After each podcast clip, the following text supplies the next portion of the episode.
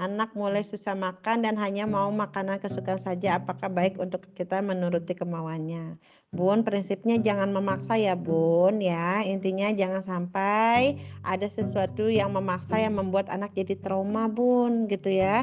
Kembali lagi makan ini adalah pengalaman yang menyenangkan Bun gitu ya. Bunda bisa libatkan keluarga saat makan ya. Jadi gimana caranya agar anak ini mau makanan yang ada di rumah kita ya. Kita libatkan keluarga di sekitar kita ada kakeknya, ada neneknya atau ada bapak atau ibunya atau saudara-saudaranya untuk membuat makanan itu jadi menyenangkan bun ya. Jadi ini sesuatu yang menguntungkan atau sesuatu yang rasa bersyukur gitu ya dengan kita menikmati ya dari setiap makanan ini tekstur makanan ini gitu. Nah ini yang harus kita ajarkan bun gitu ya. Mencintai makanan intinya gitu bun ya. Jadi ini salah satu karunia yang sangat berharga bun ya yang bunda bisa berikan kepada anak bunda ya.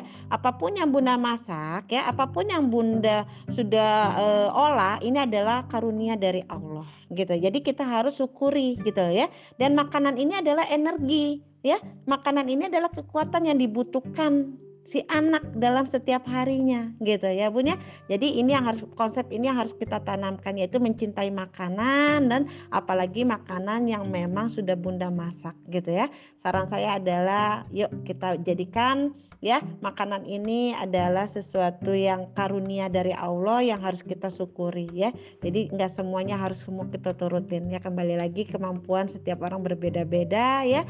Mungkin hari ini rezekinya ada belum tentu besok ada ya repot kalau kita nerusin kemauan anak terus ya bun ya.